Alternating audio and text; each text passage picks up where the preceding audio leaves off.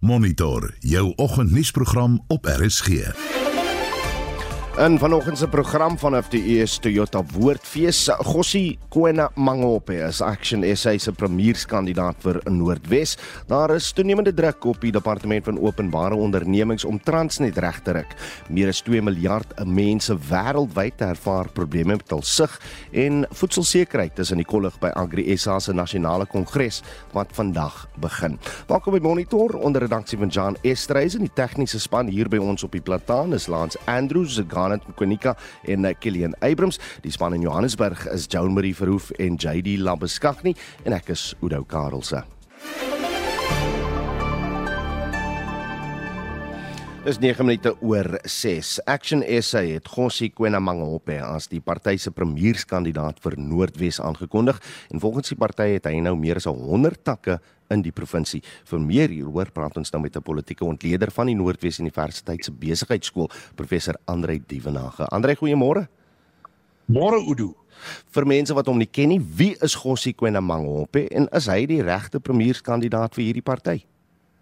Ja, hy is natuurlik die huidige leier van Action South Africa hier in Noordwes en hy het soos hulle nou in Engels sou sê genoeg politieke credentials.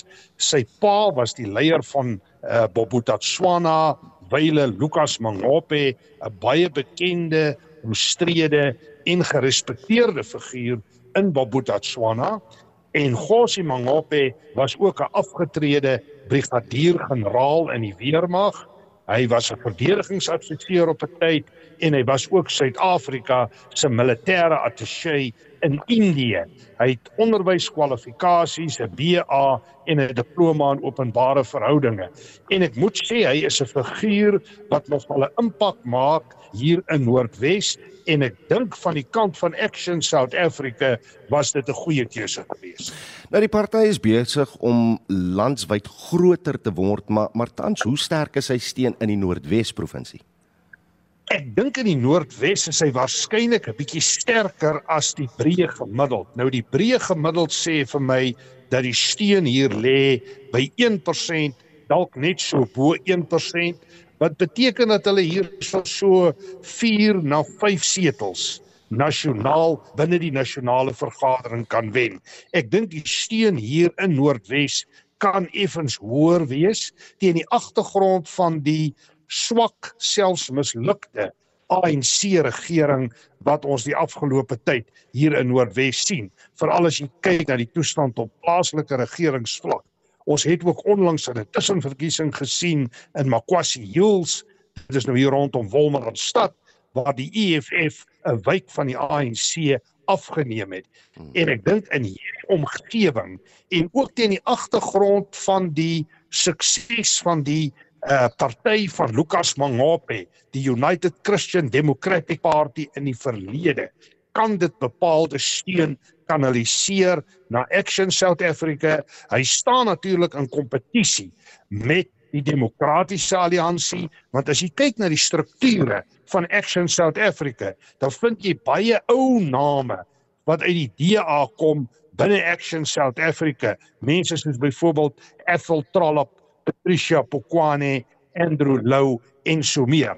Maar ek dink onder die omstandighede 'n goeie en 'n sterk keuse en is ook interessant wat sy beleid betref. Voel hy baie sterk daaroor dat die nalatenskap van sy pa en Babuta Swana herstel moet word nou. Dis 'n bietjie van 'n teenstelling mm, mm. in die tyd waarin ons lewe. As jy sou terugkyk na die apartheidstyd en hy voel baie sterk en daar moet ek met hom saamstem oor die herstel van wet en orde. Hy spreek homself uit oor die uh, herinstelling van die doodstraf.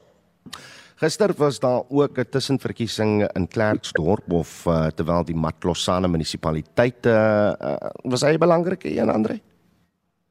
Ja, dit was 'n belangrike een. Ek het nog nie die uitslae daarvan gesien nie, maar dis 2 DA wyke wat teen mekaar gestaan het en uh ag twee ja, wyke wat uh vakant geraak het en uh dit is geopponeer deur vier partye. Dit is die ANC, die EFF, die DA en die Vryheidsfront Plus. Action South Africa was nie deel van daardie oefening nie. Mm. En net laastens, as ons nou weer terugkeer na Action South Africa, kan ons nou sê dat dit hierdie party van Herman Mashaba eintlik 'n nasionale verteenwoordiging het as ons kyk na die leierskap.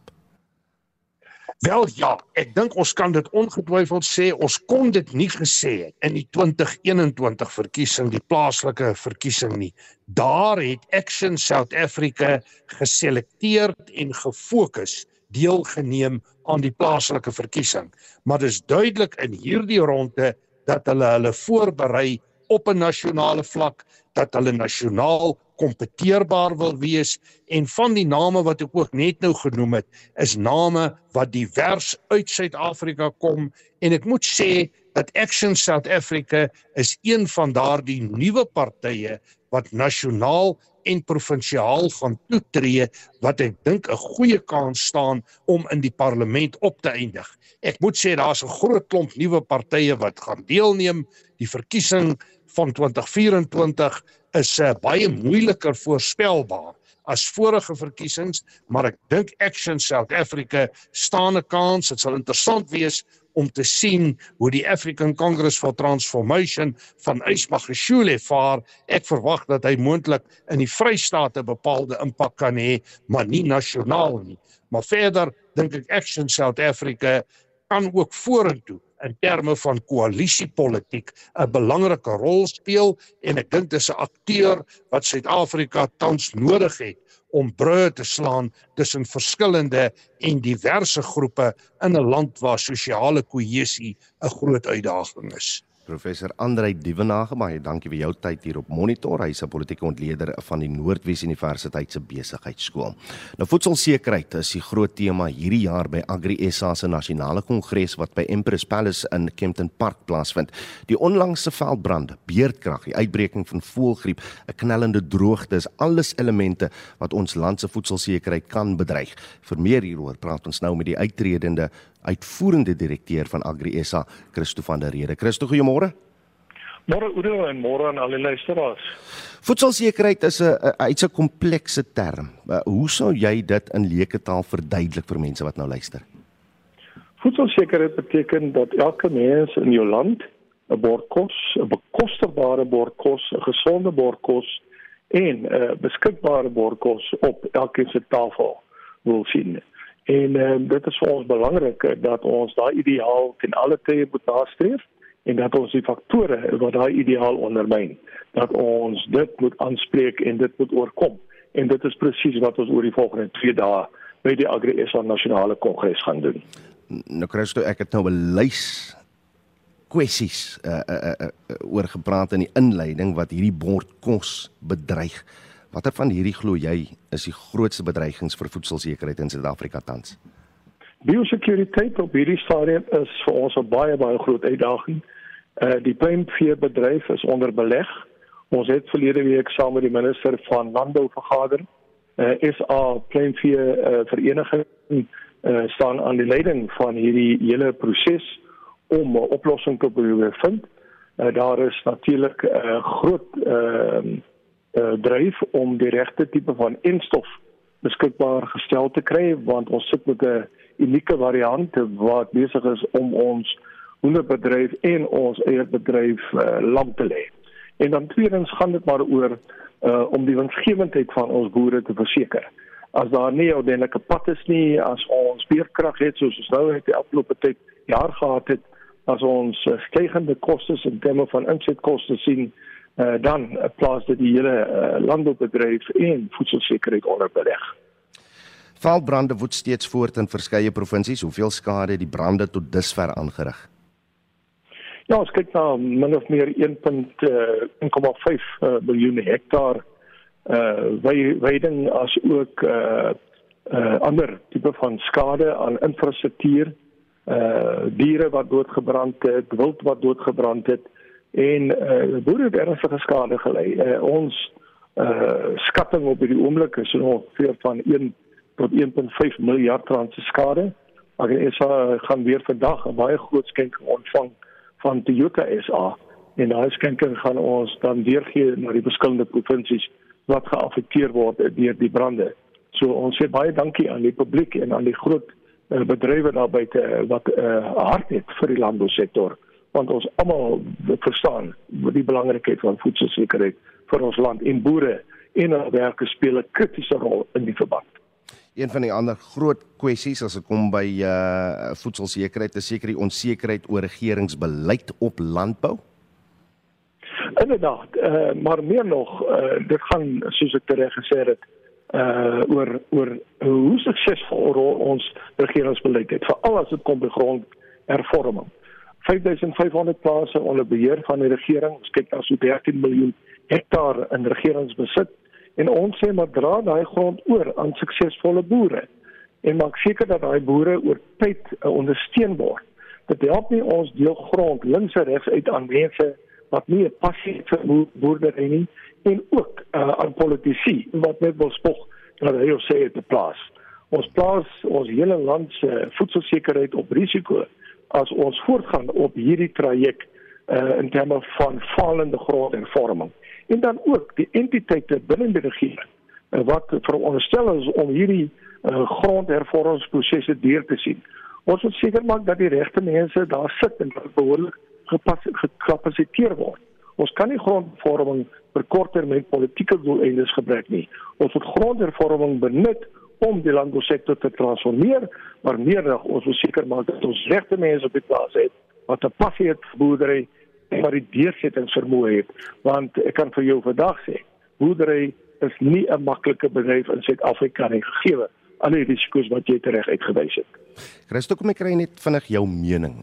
As ons vinniger te werke gegaan het om enstowwe te registreer, kon ons meer van ons pluimvee red met hierdie voelgreep 'n uh, voelgriep uitbreking? Nou weet jy daar's verskillende sienings daaroor. Uh soos ek vroeër genoem het en ek is geen kundige op die gebied van uh, kleinvee siektes nie, maar ons sit met 'n unieke nuwe variant. En ehm uh, daai uh instowwe is op die oomblik by die uh wet 36 uh kantoor waar daar 'n proses is om dit te toets want onthou ons kan nie dit instowwe uh beskikbaar stel aan die boere en ons maak seker dat dit veilig is nie was verskillende sienings. Uh, ons het verlede week gehoor van die vier artse sê maar kom ons kyk liewer na uh die immuniteit. Hmm. En dan net laat ja ek kry stoes jy daar? Ja. Ja. Okay, lyn bietjie uh, sleg dan man. En net laastens en ek hoor ek hoor wat jy daar daaroor sê. Net net laastens en en op 'n ligter noot, ons bly sê uittredende uitvoerende direkteur van Agri SA, wanneer kom die dag nou uiteindelik? Ja, en dit sal môre tot 'n einde kom en ek wil vir jou Udo al julle ehm um, omroepers by RSG asook die luisteraars baie dankie sê vir die ondersteuning. So vandag sal nou my laaste uh, toespraak of gesprek wees namens er, ehm uh, uh, Agri SA. En ja, ehm uh, ek was vir 8 jaar uh, het ek aan die hoof gestaan van Agri SA in verskillende rolle eers as adjunk en nou die uitvoerende hoof vir die laaste paar jaar en dit was 'n opwindende reis om ons mense toegang tot kos en ek wil vir julle as uh, luisteraars en RSG baie baie dankie sê vir die rol wat julle in die verband ook gespeel het. En, en, en die volgende titel, wat gaan hy wees?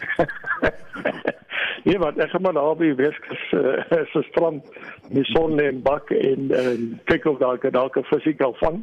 Maar ja, daar is 'n paar opsies, maar ek hou dit maar nog teen my bors sommer kyk hoe dit speel in die toekoms. Ja, sê van my kant af uh, alles van die beste en dankie vir die laaste jaar en 'n half. Dis nou Christo van der Rede, die uittredende uh uitvoerende direkteur van Agri SA en is die heel laaste dag vir hom in daai amp. Nou wêreldwyd ervaar meer as 2 miljard mense probleme met hul sig en dit sluit uh, die mense uit wat daagliks vir katarak operasies gaan. Vandag met Wêreldsigdag kom hierdie en ander kwessies in die kondig. Vir meer hieroor praat ons nou met 'n oogarts wat verbonde is aan die uh, oogheelkundige of oogheelkundige departement van uh, die Universiteite van Kaapstad en Stellenbosch, uh, Dr. Junet van der Merwe. Junet, goeiemôre. Goeiemôre, baie dankie dat jy kan wees. Lekker man. Kom ons begin met katarakke. Hoekom is hy so 'n groot probleem? Kyk, meeste mense dink 'n katarak is wat iets wat oor jou oog groei en wat dit eintlik is is die oog se lens wat verdof met tyd. Die die lens binne in jou oog is 'n lewendige struktuur en is 'n helder struktuur en het 'n cellulêre ehm um, funksie. En soos ons ouer raak, raak die lens oud soos die res van jou liggaam en dan verloor die lens sy helderheid en dan word dit progressief meer ondeursigtig en dan noem mense dit 'n katarak en dit kom met ouderdom. Mm. Is daar genoeg hulpbronne om om mense te help om katarakke te verwyder? Al is al het ons al die geld in die wêreld, is daar genoeg hulpbronne, mense wat wat, wat die operasies kan uitvoer en so voort. Kyk, dit dit is 'n groot probleem. Ehm um, ek, ek kan vir jou 'n paar statistieke gee Ja, spesifiek vir die Kaapse metropool. Kyk, ons is omtrent 4.8 miljoen mense in Kaapstad, waarvan daar so 1.3 miljoen mense mediese fondse het. So 3.6 miljoen mense moet na die staatshospitale toe gaan. En um volgens die uh, Wêreldgesondheidsorganisasie moet ons 2000 katarak-operasies per miljoen populasie per jaar doen mm. om te voorkom dat mense blind raak van katarakke. So dit is so net so oor die 7000 operasies in die Kaapse metropool alleen per jaar. Mm. En op hierdie stadium al die staatshospitale saam doen ons so tussen 5 en 6000. So daar's eh, dis daar's meer as 1000 mense wat elke jaar deur die krake val en en wat dan blind word van katarakke. En dit is omdat ons eenvoudig net nie ons het nie genoeg hospitale nie, ons het nie genoeg geld nie en ons het nie genoeg oftalmoloë wat in die staat werk wat dit kan doen nie. So dis 'n verskriklike groot probleem. En is eintlik dis eintlik tragies mm. want katarakblindheid is voorkombaar en behandelbaar en die voorkoms daarvan neem ek aan. Jy jy kan my my regstel. Dit gaan seker hoofsaaklik in ons plattelandse gebiede wees of nie. Kyk, enigiemand kan 'n katarak kry. As jy oud genoeg raak, gaan jy 'n katarak kry. As jy oor 80 is, is die kans dat jy 'n katarak operasie gehad het of 'n katarak het. Ja, maar ek ek ek, ek, ek praat eintlik van die mense wat nou nie die operasies kry nie. Ek dink ek dink selfs in die Kaapse metropool is dit 'n verskriklike groot probleem want daar's geweldig baie mense wat op in 'n in 'n klein area bly en daar's nie genoeg dokters nie. So dit is nie veel beter in die stad as wat dit in die platteland is nie om die waarheid te sê. Dis is dit is 'n universele probleem. Kyk ek ken nou net die Wes-Kaapse statistiek, ja. maar ek dink dit is dit is nog erger elders in die land. Is daar 'n plan om dinge te verbeter? Ons werk al jare daaraan. Dit on, ons probeer ons bes om dit te verbeter en dit raak beter. Hmm.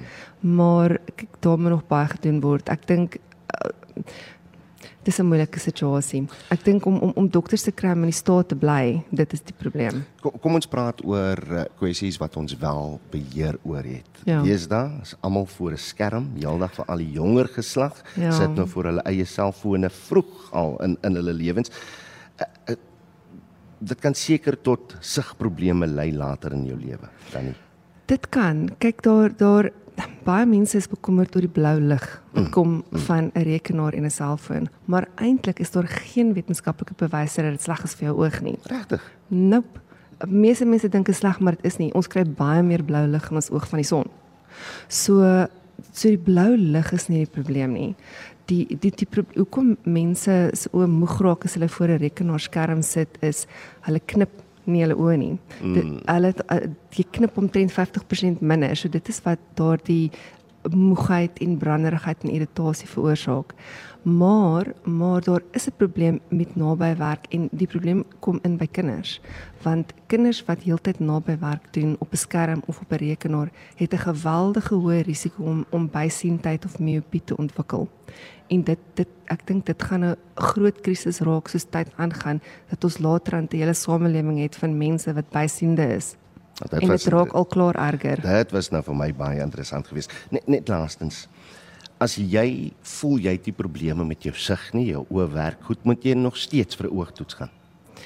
Ek dink dit is belangrik want um die twee hoofoorsake van of die twee grootste oorsake van blindheid paal of of swak siendheid behalwe nou 'n refraktiewe fout bril eh, in Suid-Afrika is glaukoom en katarak.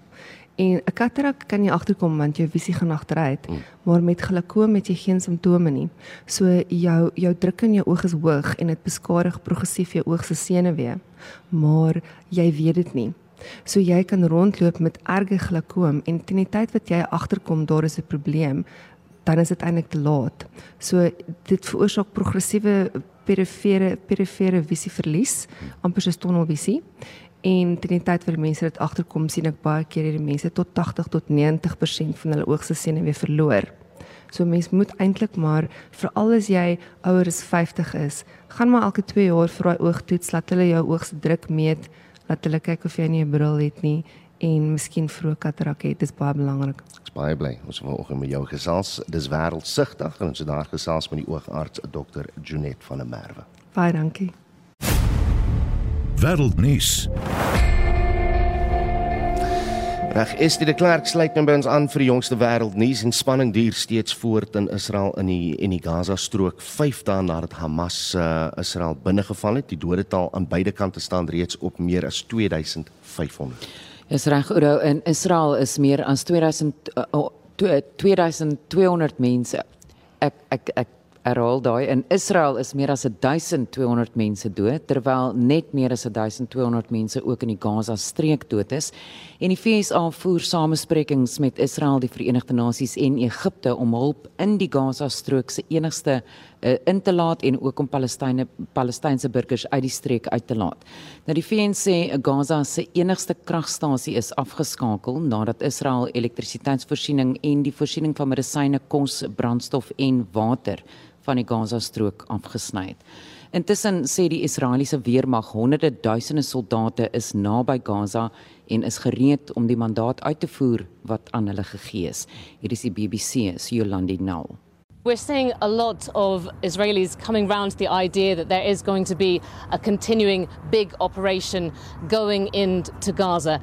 This is the deadliest attack the country has ever seen, and it really caught people by surprise at a time when they were just at the end uh, of the Jewish high holidays. You feel that people are coming together again, united in their grief and in their desire for action, uh, some kind of decisive action that people are calling for against Hamas.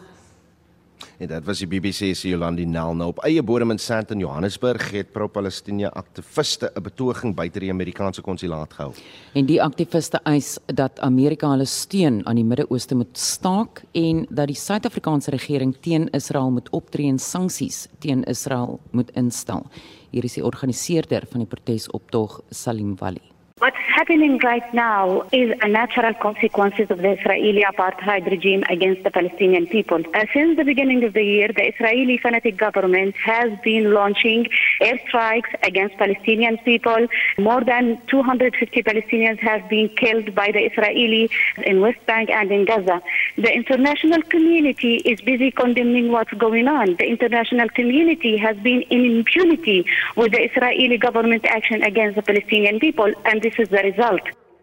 En dit was Salim Wali in ander nuus in Afrika en Liberië wag landsburgers op uh, die verkiesingsuitslae nadat kiesers Dinsdag hulle kruisies in die presidentsiële verkiesing gaan trek het. En die twee leiers wat mekaar die stryd aangesê het in die presidentsiële verkiesing is Liberië se president George Weah en die land se voormalige president Joseph Boakai. Suid-Afrika se voormalige adjunkpresident Pumzile Mlambo-Ngcuka wat 'n leidingsrol tydens hierdie verkiesing vervul het, sê die verkiesing het vreedsaam verloop. The candidates themselves, who are women, unfortunately in short supply. We are hoping that whoever wins the election will address the issues and the challenges that are faced by young people, which were obvious to all of us. They will also address the challenges that are faced by women. En dit was Suid-Afrika se voormalige adjunkpresident Pumzile Mlambo-Ngcuka. En dis die klerk met 'n oorsig oor vandag se wêreldnuus. Jy luister na Monitor. Elke weekoggend tussen 6 en 7.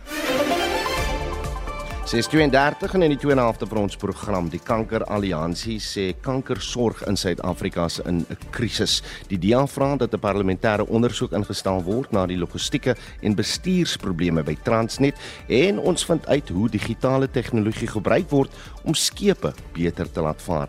Bly ingeskakel hier op RSG. Raak soos ons uh, vroeër laat weet het vandag is wêreld sigdag en ons by jou weet gaan jy gereeld vir oogtoetse uh, al ervaar jy nie tans probleme met jou sig nie besef jy dat dit jou sig kan benadeel as jy baie tyd voor 'n skerm selfs jou selfoonskerm bestee.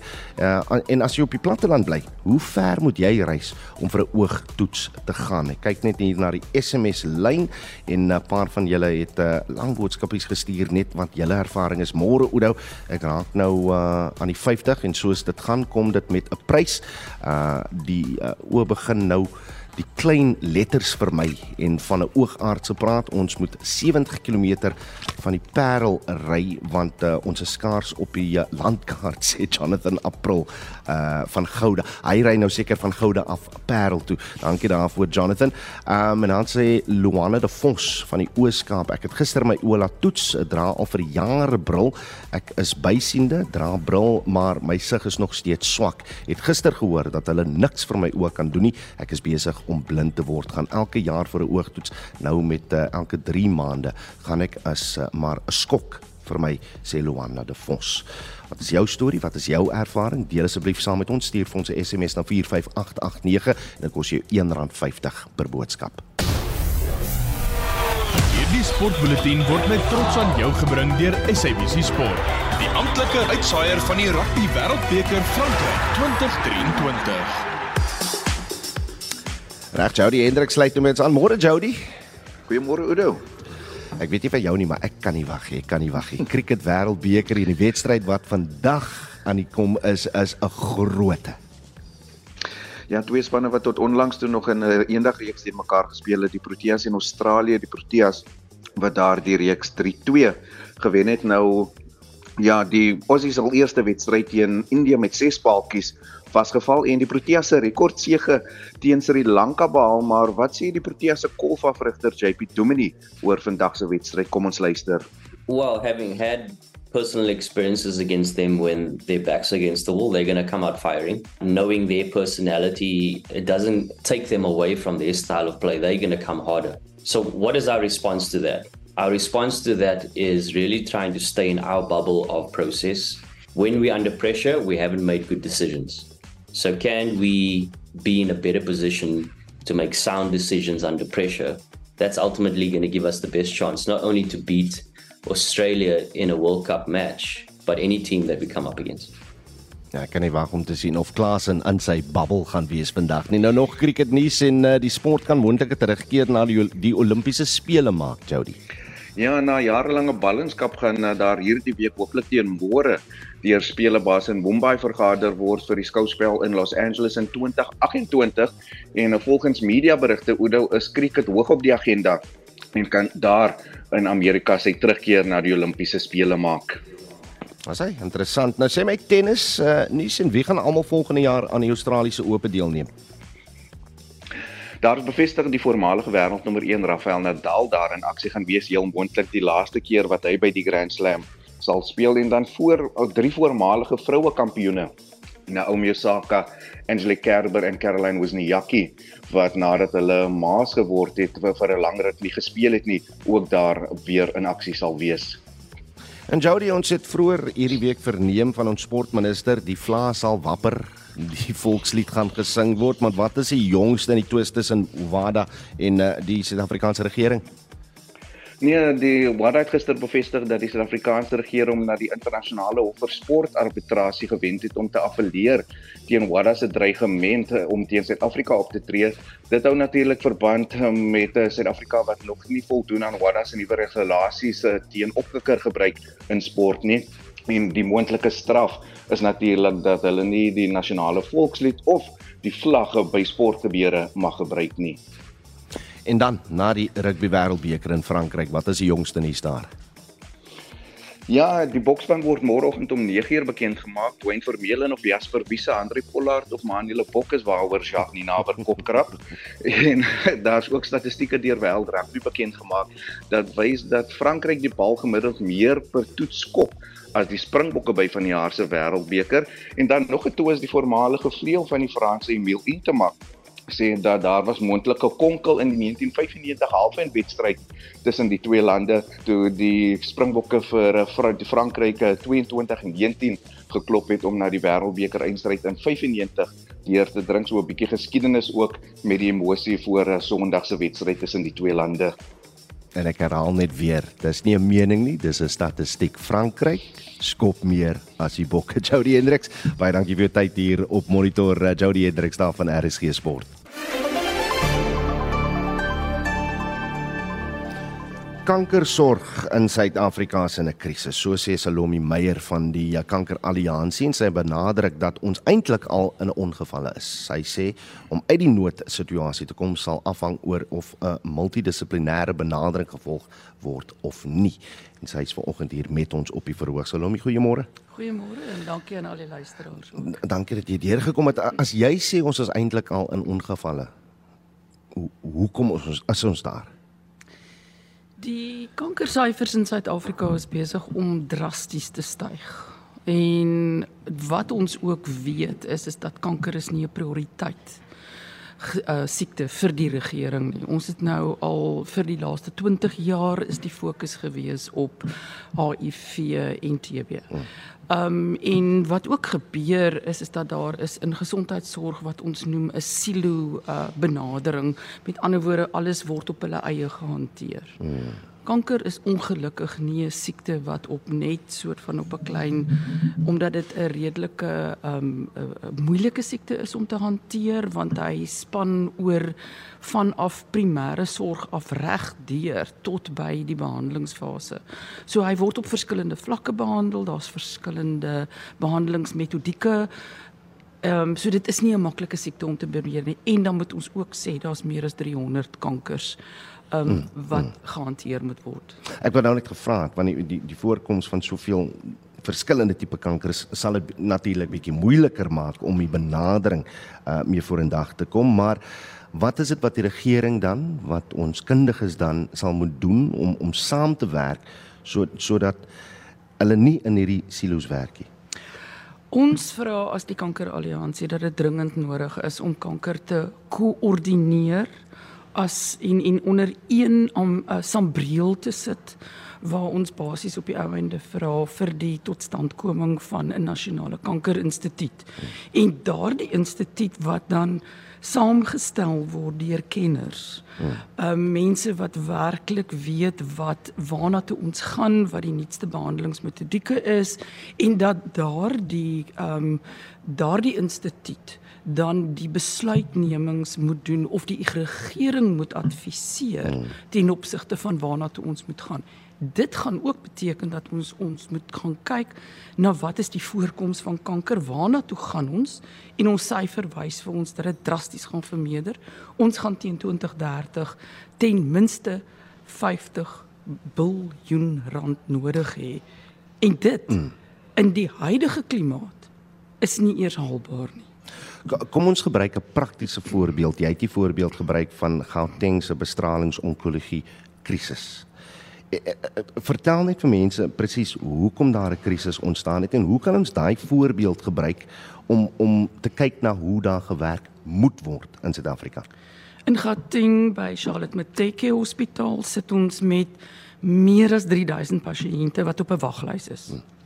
Jy kan nie op 'n waglys wees vir radioterapie vir meer as 3 tot 6 maande nie. Daar's van daai mense wat al 3 jaar op 'n waglys is. So ons weet nie eers of daai mense nog leef nie. Dis nommer 1.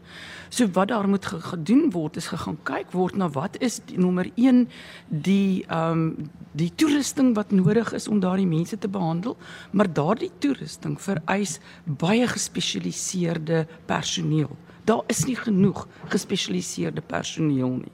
So jy so dit is waarom jy nodig het om na 'n op 'n geïntegreerde manier te gaan kyk na wat is die probleem. Ons sit byvoorbeeld met, met Steve Biko waar wat ook met 'n waglys sit. En weer daar sit ons met die probleem dat hulle het die hulle het die masjinerie sodat die toerusting, maar omdat hulle nie die genoegsame personeel het nie, kan SAPRA nie hulle lisensie vir hulle goedkeur nie. So dit is dit is 'n hele klomp inligting wat nodig is om vooruit beplanning te doen en dan te gaan bereken wat is dit wat ons nodig het en dan moet ons ook onthou wanneer jy daardie kar gekoop het en as jy dan gaan besluit ek wil 'n Porsche koop dan gaan besluit jy ek koop 'n Porsche maar dit is wat ek moet doen om die instandhouding te doen van die pos. Mm. En dit is die besluite wat ons moet neem. En, en dit gaan net kom as jy daai mense op hoë vlak het wat wat raadgewing doen met die regering. Korrek. So wat is dan die groot struikelblok om hierdie prosesse te stroomlei? Die eerste wat ons vra as die kankeralliansie is is dat ons moet nou begin doen vir kanker wat gedoen is vir HIV. Dit beteken dat die kliniese mense en die pasiënte soos ons bymekaar moet kom om saam die om saam te span. Ons het nodig om te begin saamwerk. Ons kan nie meer teen mekaar werk nie, saam met mekaar werk en ons het nie ons moet saam met die regering werk. So en ons vra ook dat daar ehm um, deursigtigheid gaan wees in die prosesse wat moet gebeur en dat dit nie iets is wat in Pretoria in 'n kantoor gedoen word op hulle eie nie, maar dat dit in samewerking met almal gedoen word. Salome Meyer van die Kanker Alliansie, dankie dat jy hier by ons kom aansluit het op die verhoog onder die plataanbome hier in Stellenbosch.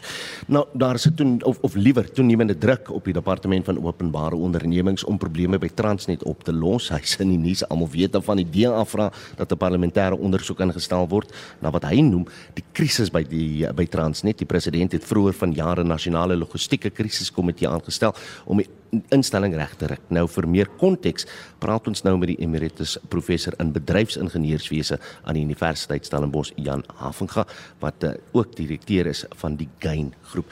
Jan, goeiemôre. Goeiemôre. Dankie vir die uitnodiging. Die die ingryping deur die president, is dit wat gelei het tot so baie van die die leierskap, die bestuurslede wat nou weggestap het daar by Transnet of is daar net groot probleme met die bestuur, met die raad van Transnet? Nee, daar daar was geweldige groot probleme met die bestuur en die raad van Transnet. Hulle het 'n baie moeilike situasie geërf. Uh toe hulle toe hulle die leiersels oorgeneem het 3 jaar terug as gevolg van staatskaping, as gevolg van ehm um, klomp ander dinge wat gebeur het. Ongelukkig het hulle alles net verskriklik erger gemaak. Ja, die vorige direksie was uitgehol. Uh, bestuur het net eenvoudig die mense se werksomgewing en werksomstandighede so moeilik gemaak dat die die plek is net uitgehol van vaardigheid en die mense wat oor is sukkel om hulle werk te doen, sukkel om te doen wat hulle kan. En dis hoekom die minerale bureau gevra het dat die dat Bosha Dawie en en Sisakele van die spoorweë bedank en dit het gelei tot die krisiskomitee. Presies wat jy nou sê want uh, hulle het hierdie kajuitrade gevorm om die verskillende korridors reg te maak en dan in die kajuitraad sit die kliënt en en sit die Transnet se bestuur en dan Transnet se bestuur net hulle skouers opgetrek. Hmm. Toe die toe die toe die industrie vir die president gevra vir 'n krisiskomitee het hom gekry.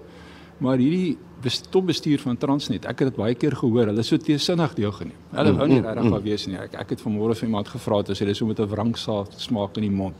En dit het net nie gewerk nie en uiteindelik nou het het uh, Perwinko dan ingegryp. Hy het op die 1 September vir mense gesê uiteindelik sy rug gedraai op bestuur. En uh, gesê uh, uiteindelik vir, vir vir die raad gesê om bestuur toets kyk of hulle regtig weet wat hulle doen.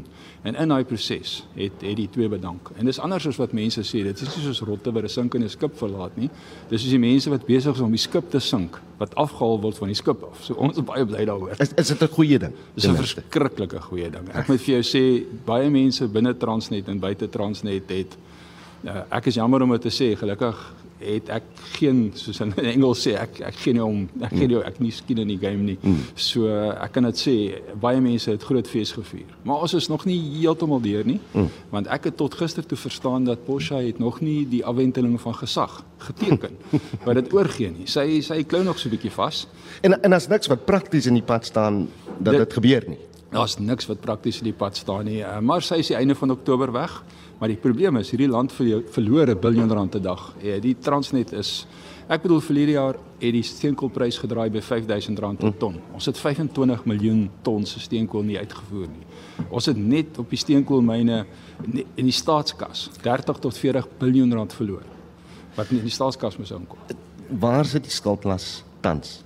Ek skat so by 120 130 biljoen rand. Ons moet verstaan die probleem, dis groot. Maar dit dit is 'n baie kleiner probleem as Eskom met dieselfde effek. 5 6% van ons bruto binnelandse produk raak verlore. Uh die die probleem is groot, maar uh, die probleem is groot, maar nie so groot soos Eskom nie, maar hy kan opgelos word. Ons het 'n oplossing. Jy het ek reg gehoor dat ons in 2023 dieselfde hoeveelheid vrag aanry op ons uh, spoorweë as wat ons in 1994 gemaak het. Dis erger is dit. Dis Erger. Dis baie erger. Dis 'n som wat ek gedoen het uh wat hulle publiseer. Ja. Jy jy nie spoedig opsplit. Daar daar's nou die uitvoerlyne. So die steenkoollyn is is 'n baie gespesialiseerde. Hy is die laagste sedert 1993. Dan kry mens algemene vraag. Al die ander goeters wat ons van weet. Die laagste sedert die Tweede Wêreldoorlog. Dit so, die plek is die plek is uitgehol, maar maar uh, ons is nou amper daar. As hierdie twee mense weg is, ons het 'n omdraai plan, ons gaan die ding regkry. Hoe lank gaan hy omdraai plan neem om om werklik stelling in te neem sodat ons kan sien dinge dinge verbeter nou? Ek dink ons gaan verhoogde vragvolumes op spoor sien in die volgende 6 maande, want ons kan nie dadelik al die infrastruktuur en alles regmaak. Ja, ja. Dit dit gaan tyd vat. Maar die mense het die vermoë verloor om net 'n spoorweg te bedryf. So ons gaan hom beter bedryf met die goed wat ons het. Hmm. Baie vinnig. Jan, ek dink ons gaan hom daar los op 'n positiewe noot. Uh, baie dankie dat jy uh, hier by die voorbeeld saam met ons kom gesels het. Dis uh, Jan Haven gaan natuurlik uh van uh emeritus professor in bedryfsingenieurswese aan die Universiteit van Stellenbosch. Nou baie interessante gesprek wat nou hier volg. Nicole Taylor uh, wat binnekort haar doktorsgraad in megatroniese ingenieurswese verwerf is vandag ons gas. Haar werk is om uh, tegnologie skepe beter te laat vaar. Dit word gedoen met digitale gedrewe stelsels en sy deel nou haar uitsonderlike beroep met ons. Goeiemôre, Nicole. Goeiemôre. As as mense nou luister na ons gesprek, dan moet jy seker begin by wat megatroniese ingenieurswese Ja. is. Begin eers daar. Dis 'n goeie vraag. so dis basiese integrasie van meganiese ingenieurswese en elektroniese ingenieurswese. Ja. So dit kom net saam en dis dan megatroniese ingenieurswese. Is dit iets wat jy, wat jy altyd wou gedoen het? Om eerlikwaar te wees, nee. Ek wou soos 'n vlieënier we- wees of of 'n dokter of iets soos dit. Mhm. Um en toe vind ek uit, wel ingenieurswese lyk vir my baie interessant soos robots en dinge soos dit. Dit vir my soos enige biomedical tipe um ingenieurs of stelsel of iets soos dit. Dit vir my so jy wil met stelsels werk. Ek wil sien met hoe werk jy goed, jy wil ja. seker maak dat jy hom kan maak werk. Sê my uh, uh, uh, klaar gou nog iets vir my op. Wat is 'n menslike kuber fisiese stelsel? Wat wat is dit? anders as 'n mond vol is dit deel van my no navorsings. So dit is basies nou um waar ons die menslike faktore nou inbring in die digitale soos Mhm. die digitalization. Um en dit is ons ons equip basies vir mense met ook 'n soos ons noem dit 'n digitale tweeling, so dis 'n digitale representasie van menslike faktore. Soos in my geval studie was dit um bewegingssiekte. So basies hoe siek is mense? Um waar is hulle op die skip? Watter um beweging maak dat hulle nou siek raak of iets soos dit? Dan bring ons al soos die sensors se data in die menslike ons vra vir mense op met 'n app. Mm, Soos hoe siek is jy en waar is jy op die skip? Maar op een vraagskip, hoeveel van hierdie stelsels is daar in werking op enige tyd terwyl hy skip daar vaar? Op die oomblik Ja. Geen.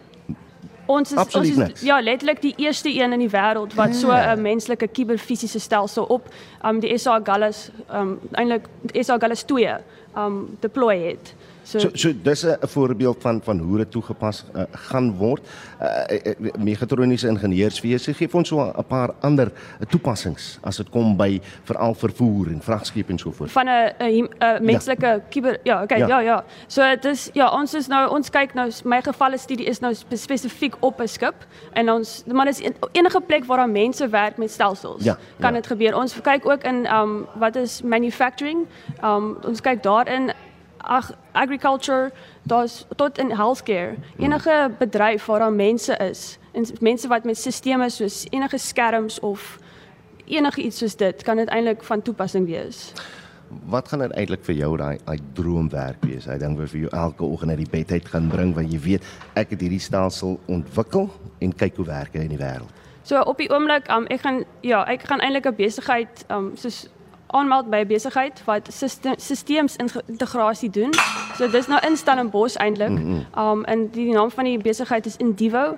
So ons ons ons ontwikkel sag, sagte waarde en dan gebruik ons dit nou om enige sensors of um apps te develop wat eintlik al die sisteme wat mense kan help met sisteme werk en sisteme kan monitor. So dis nou vir my dis nou my my volgende uitdaging en ek sien nog ons uit daarna. Hoe voel dit om om met so groot uh ding soos 'n skip te kan werk. Jo. En, en en jy weet jou brein is die brein wat seker maak dat hy dan kan vaar, dat dat jy, jy goed kan kyk na mense wat miskien 'n bietjie siek raak op op die skip want want dit is 'n massiewe stelsel. Ja, dit is werklik waar baie groot. Daar's baie eintlik is dit baie klein dinge wat saamkom. Um en dis regtig asemrowend en dit dit, voel eintlik soos dis 'n eer om dit te kan doen en veral in Suid-Afrika om dit te kan doen op 'n skip wat Suid-Afrika soos um beheer. Dis vir my net ek is baie dankbaar dat ek dit kon doen en ook ja, dis dis net 'n geleentheid waarvoor ek dankbaar is. Lieflik onthou die naam Nicole Taylor uh, wat binnekort haar doktorsgraad in megatroniese ingenieurswese aan die Universiteit Stellenbosch gaan verwerf. Baie dankie. Ja, dankie ook. Ah, lekker lekker gesels daar. Reg. Aan die orde van die dag natuurlik weer is die nuutskepping en uh, dis dag 3 van ons kompetisie en ons sê vir Dr Philip Lou goeiemôre. Hy's natuurlik die hoofredakteur en uitvoerende direkteur van die Woordeboek van die Afrikaanse taal. Môre Philip. Môre Ouda. Reg, hoe het gister verloop en uh, voor ons by vandag se woorde uitkom. Uh, ja, vertel bietjie. Jong Ouda, ehm um, dis nou nie jy's die Springbokke teen Ierland of of teen Frankryk nie daai spanningsvlak is die grootste ding. Tweede grootste ding. Maar gister was nogal spannend vir ons jong. Weet jy die wenwoord het met een stem gewen. Een, een. stem. Ja, voor die voor die tweede geplaaste woord. So dis nogal dis dis 'n netjie vir ons in die nuutskeppings kom ons kom ons kyk of ek vandag reg gaan wees. Was ek was op dag 1 verkeerd geweest, maar wat was die wenwoord gister? Die wenwoord gister was sitskoene. Nee, dan is ek weer verkeerd. dan is ek nou weer verkeerd. En vir die mense wat luister, wat, wat is sitskoene?